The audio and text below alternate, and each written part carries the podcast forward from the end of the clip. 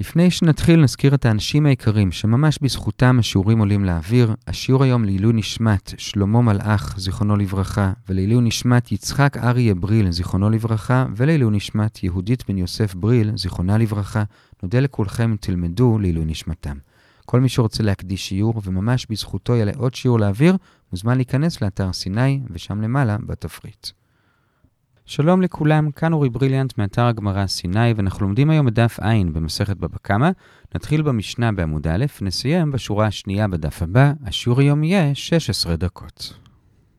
גם היום המשנה ממשיכה בנושא של תשלומי 4 ו-5, ובאופן כללי הנושא שלה זה שהיא מביאה אוסף של מקרים שבהם היינו חושבים שהוא צריך להיות פטור מארבעה וחמישה, ומחדש את המשנה שהוא בכל זאת חייב. זה באופן כללי. מה שנעשה היום זה נראה את המקרים של המשנה, ואחרי זה בגמרא נדבר על שניים מהמקרים.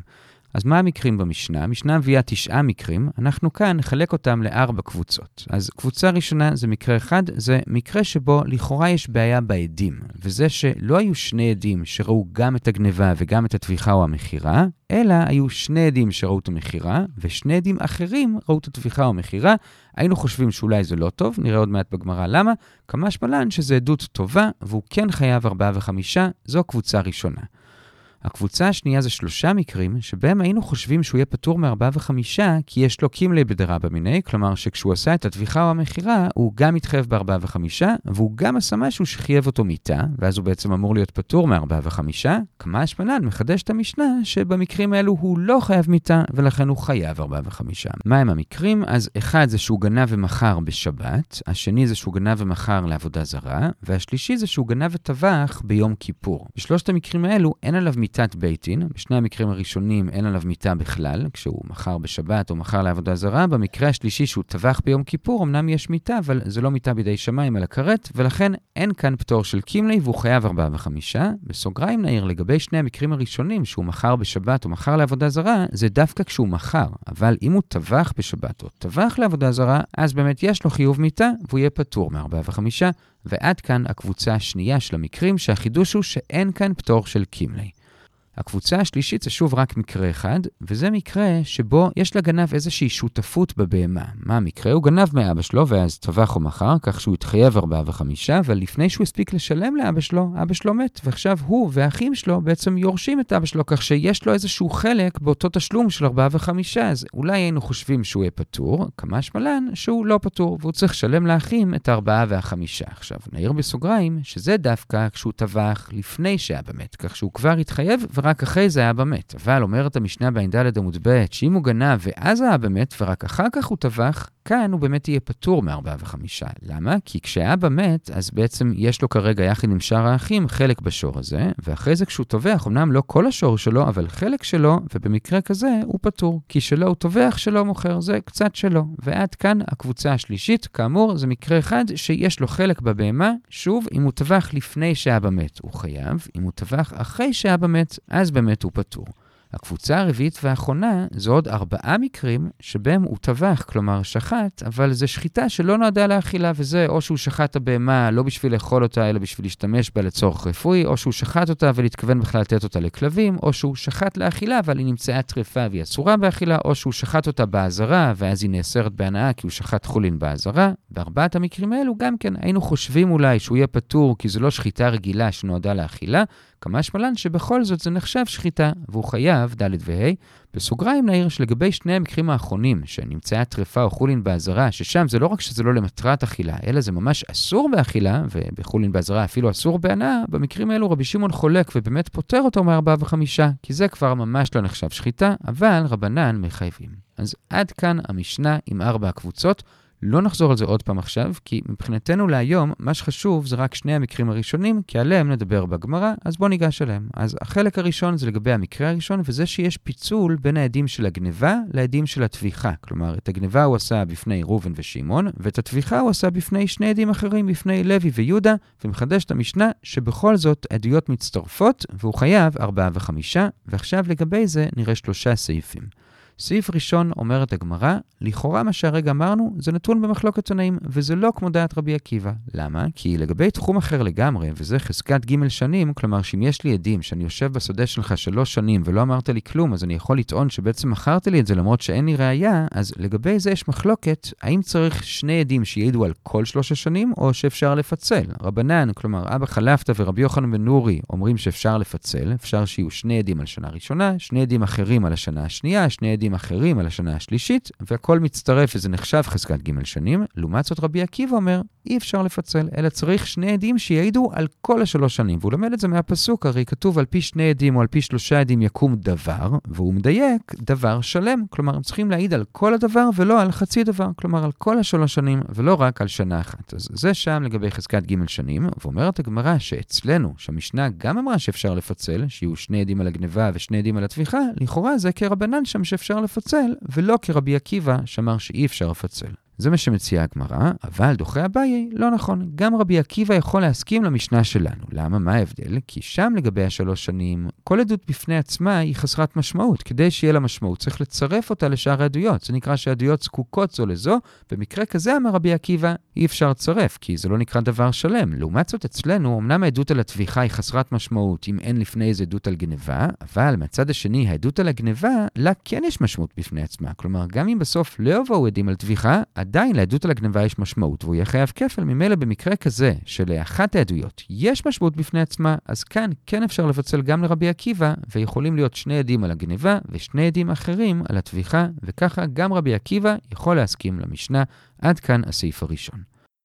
הסעיף השני זה כבר בשליש העליון של עמוד ב', וזה, אם כבר הבאנו את אותה מחלוקת שם לגבי חזקת ג' שנים, בואו נבין אותה יותר, כי ראינו מה רבי עקיבא לומד מהמילה דבר, שאי אפשר שני עדים על שנה אחת ושני עדים אחרים על שנה אחרת וכולי. עכשיו בואו נבין מה רבנן לומדים מהמילה דבר. אז אומרת הגמרא, שהאמת היא שגם הם לומדים את זה בצורה דומה, שהעדות צריכה להיות על דבר שלם ולא על חצי דבר, אבל הרף שלהם הוא יותר נמוך, והם אומרים שעדים על כל שנה בפני עצמה, זה לא נקרא חצי דבר. מה כן נקרא חצי דבר, שבזה גם רבנן יפסלו את העדות, זה למשל, אם יש איזה בת שנגיד חיללה שבת, ורוצים להעיד עליה שהיא הייתה גדולה כשהיא עשתה את זה, כי רק אז היא חייבת מיתה, אז צריכים להעיד שהיו לו שתי שערות, אז אם יש עד אחד שמעיד שהוא ראה שערה אחת בקרסה, ועד שני שמעיד שהוא ראה שערה אחת בגבה, כאן גם רבנן מודים שזה כבר נחשב חצי דבר, ואת זה אי אפשר לצרף, זה מה שהם מודים מהפסוק. ולמה? מה ההבדל בין זה לבין השנים? אז עולה ברש"י שההבדל הוא שכשעד אחד מעיד על שערה אחת, העדות הזאת בעצם לא מקדמת שום דבר לעבר זה שנאמין שהיא באמת גדולה. כי הרי גם לקטנה יש שערה אחת, זה עוד לא אומר כלום. רק אם מצרפים את שתי עדויות ביחד, שהיו לו שתי שערות, אז פתאום היא גדולה. אבל כל עדות בפני עצמה, היא לא מעידה בכלל שהיא גדולה. לעומת זאת, בשנים של החזקה, כאן כל עדות בפני עצמה דווקא כן מראה על משהו. כי עצם זה שהוא יושב שם שנה, זה כבר מראה קצת שזה שלו. אמנם זה לא מספיק, צריך שלוש שנים, אבל גם לשנה אחת יש עקרונית משמעות. לכן אומרים רבנן, בשלוש שנים שכל עדות יש לה איזושהי משמעות לטובת התוצאה הסופית, אז מצרפים. אבל בסערות שכל עדות בפני עצמה היא באמת כלום, זה כבר ממש חצי דבר, ואת זה אי אפשר לצרף. זה מה שרבנן ילמדו מהמילה דבר. זה ההסבר, אבל הגמרא מתקנת קצת, כי אומרת, רגע, אם אתה אומר שזה עד אחד העיד על שערה אחת, ועד אחד העיד על שערה אחרת, אז גם בלי קשר לזה שזה לא דבר שלם, אתה לא יכול לצרף, כי כאן זה לא רק חצי דבר, אלא זה גם חצי עדות. עד אחד אין לו משמעות. לכן מתקנת הגמרא, אתה צודק, לזה לא צריך את הלימוד מהמילה דבר, אלא נאמר הסבר דומה, רק הפעם עם שני עדים. כלומר, שני עדים מעידים על שערה אחת בגבה, ושני עדים על שערה בקרסה, וגם כאן, לפי רבנן, הם לא מצטרפים, כי זה נחשב חצי דבר. ועד כאן הסעיף השני, במה רבנן יודו שאי אפשר לצרף שתי עדויות כי זה נחשב חצי דבר.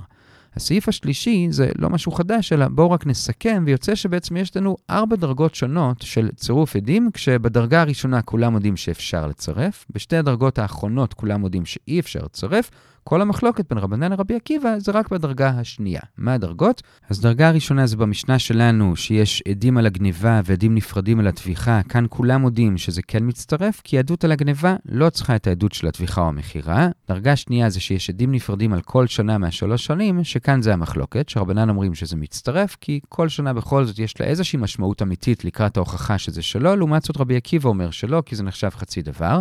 דרגה שלישית שכאן כולם מודים שלא, זה שיש שני עדים על שערה בקריסה ושני עדים על שערה בגבה, שכאן לפי כולם זה לא מצטרף, כי כל שערה בפני עצמה באמת לא אומרת כלום. דרגה רביעית זה שיש עד אחד על שערה בגבה ועד אחד על שערה בקריסה, שכאן ודאי שכולם אומרים שלא, כי לא רק שזה חצי דבר, זה גם חצי עדות וזה לא מצטרף. עד כאן הסיכום, ועד כאן החלק הראשון, מתי אפשר לצרף שני כיתות עדים ומתי לא. ורגע לפני שנעבור לחלק השני, רק שוב נזכיר, אין לנו איך להפיץ את השיעורים בלעדיכם. נודה לכם מאוד אם תעזרו לנו להפיץ לחברים ותשלחו להם את הדרך שבה אתם שומעים את השיעור, אם זה בוואטסאפ או בטלפון או בסרטונים או בפודקאסטים. תודה רבה מראש, בואו נמשיך.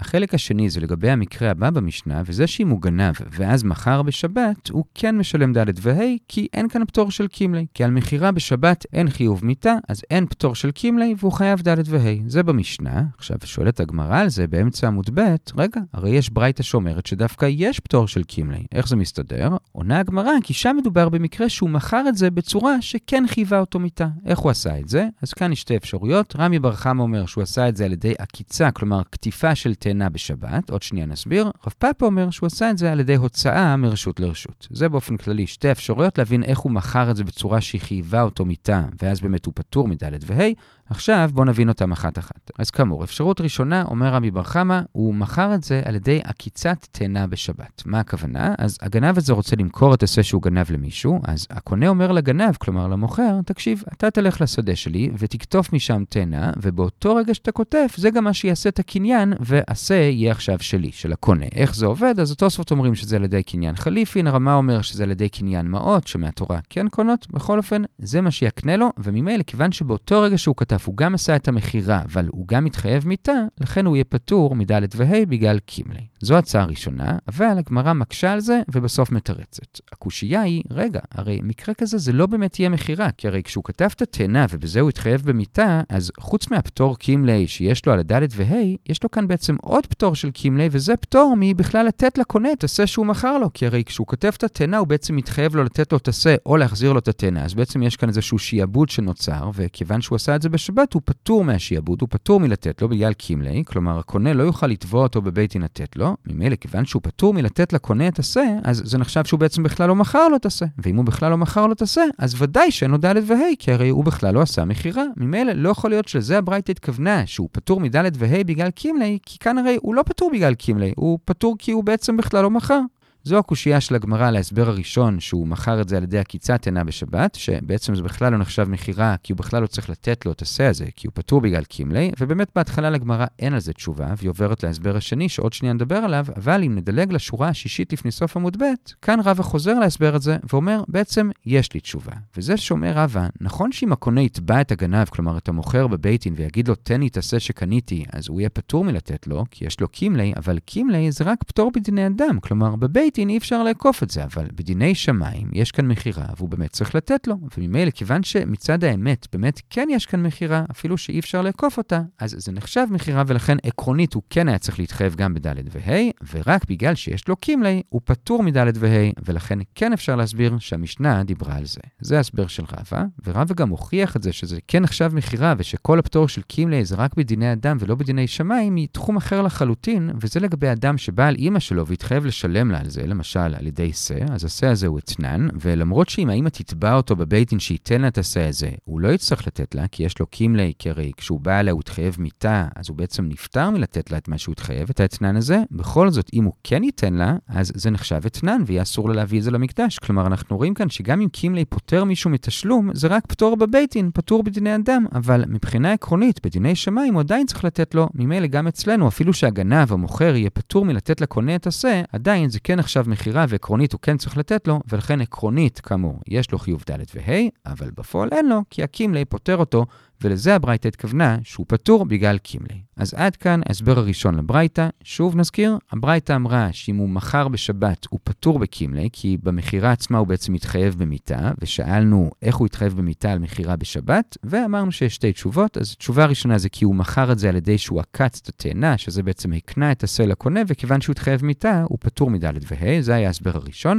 עכשיו אנחנו עוברים להסבר השני. אז בשביל ההסבר השני, אנחנו כרגע בעצם כבר בשורה השנייה בעין א' עמוד א', אז בואו נחזור חזרה אחורה לעין עמוד ב', לשליש התחתון, להסבר השני, שזה ההסבר של רב פאפה. ורב פאפה מסביר איך הוא הצליח להתחייב במיטה על מכירה בשבת, זה כי הוא עשה את זה על ידי הוצאה מרשות לרשות. כלומר, איך הוא מכר את השה הזה לקונה, הוא לא מכר את זה על ידי עקיצת תאנה, אלא פשוט בזה שהוא העביר את השה לרשות הקונה, והקונה קנה את זה בקניין חצר, ובזה הוא בעצם עשה שני דברים, גם מכר וגם התחייב מיטה על הוצאה הוצאה מרשות לרשות, ולכן יש לו קימלי והוא פטור מד' וה'.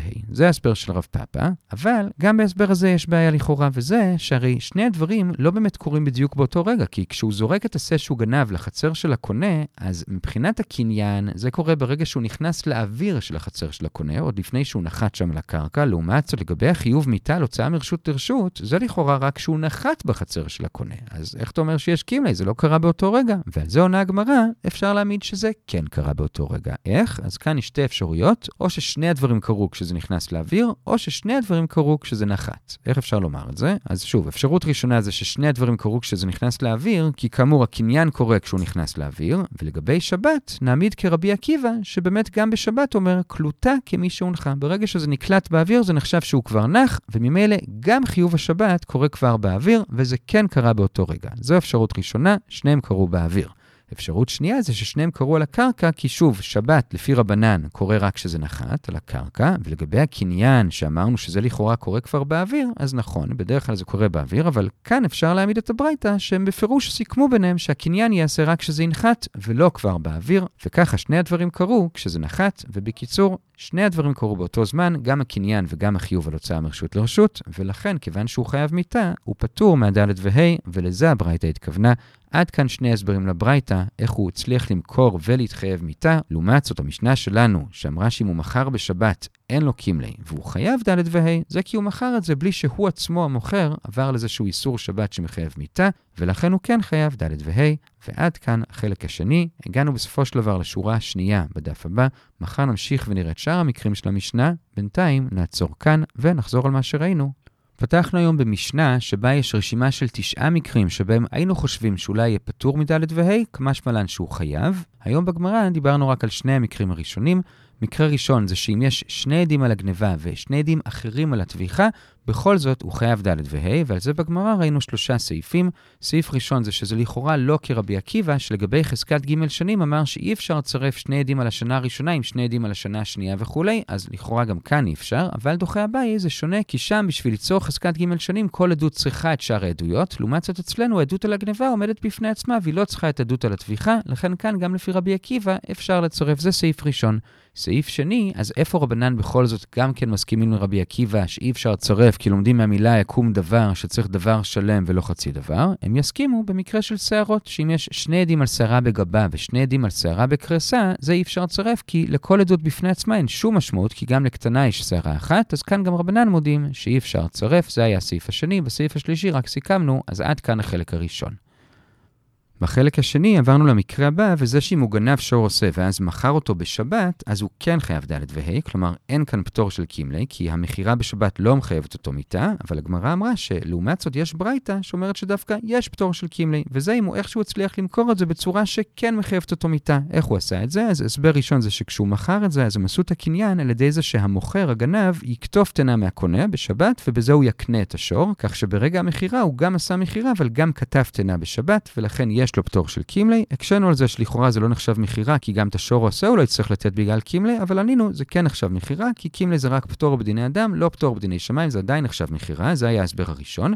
הסבר שני זה שמה שחייב אותו מיתה זה לא שהוא עקץ תאנה, אלא העברה מרשות לרשות, וראינו שתי אפשרויות איך להבין שגם הקניין וגם החיוב מיתה קרו באותו זמן, או ששניהם קרו כבר כשהשה עבר באוויר, כי לפי רבי עקיבא קלוטה כמי שהונחה גם לגבי שבת, או ששניהם קרו כשהשה נחת, כי הם סיכמו ביניהם שגם הקניין יהיה כשהוא ינחת כל טוב.